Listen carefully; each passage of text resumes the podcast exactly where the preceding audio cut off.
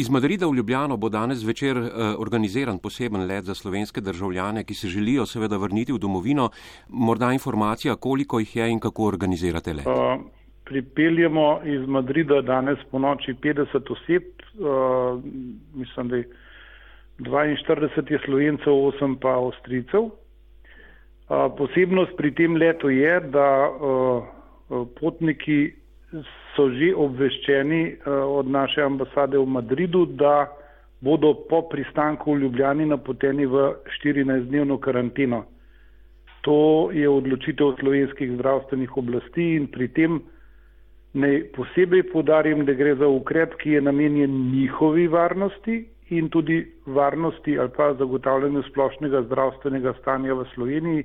Prihajajo nam reči iz visoko tveganega območja, ki ga predstavlja Španija in uh, tudi naslednji leti, recimo, da bo v nedeljo najkasneje uh, poletelo letalo z preko 100 potniki iz Španije, bo imelo enak uh, karakter pristanka. Zdaj govoriva o Španiji, kakšni pa so sicer podatki o slovencih po svetu, koliko jih je, morda ki jih je največ tudi?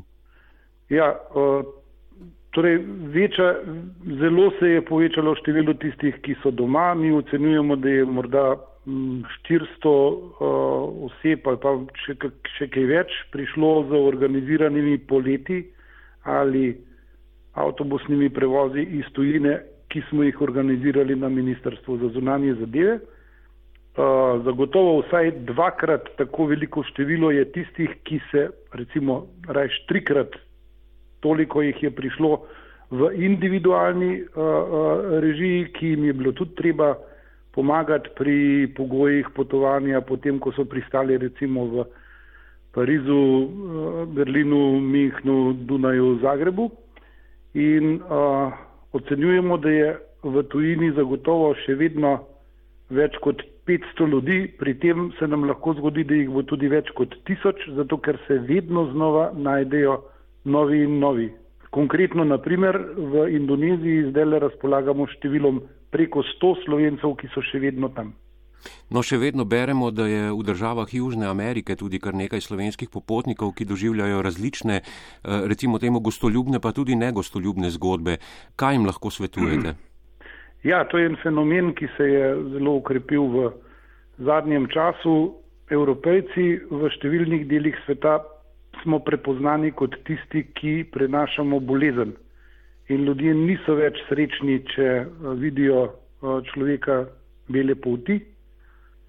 Nekateri eh, se poslužijo tudi takih grobih grožen in tako dalje. Mi vsakemu, torej mi smo to opazili zato, ker so se zelo povečali in, in zelo se je povečal interes za odhod slovencev, ki so vse predtem rekli, da se tukaj kar dobro počutimo. Seveda so tudi izjeme. So države, ki ne uh, gojijo takega načina, ampak težko je preprečiti, da bi pri ljudeh prevladal predsodek in na tem utemeljen strah. In takrat, ko to dopustimo, je zelo blizu tudi kakšna gesta sovražnosti. Kje pa lahko sicer slovenci v tujini poiščejo pomoč, kje dobijo informacije o tem, na kakšen način uh, se lahko vrnejo domov? Seveda preko vseh naših ambasad uh, imeti kontaktne točke, na katere se ljudje lahko prijavijo, da so tam in potem dobijo tudi informacijo, kje gre in odkot bo štartalo kakšno reševalno letalo, organizirano od drugih držav članic. Vemo, da letijo uh, Poljaki, Čehi, Nemci, Avstrijci in tudi še kdo drugi. Seveda je tudi na naših ambasadah ljudi vse premalo, da bi lahko takoj in v prvem momentu odgovorili vse te klice, skušamo jih poklicati nazaj in vzpostavljati eno podatkovno bazo, ki je točna. Zato tudi po tej poti pobuda in prošna, tisti, ki se vrnejo domov, naj nam to sporočijo.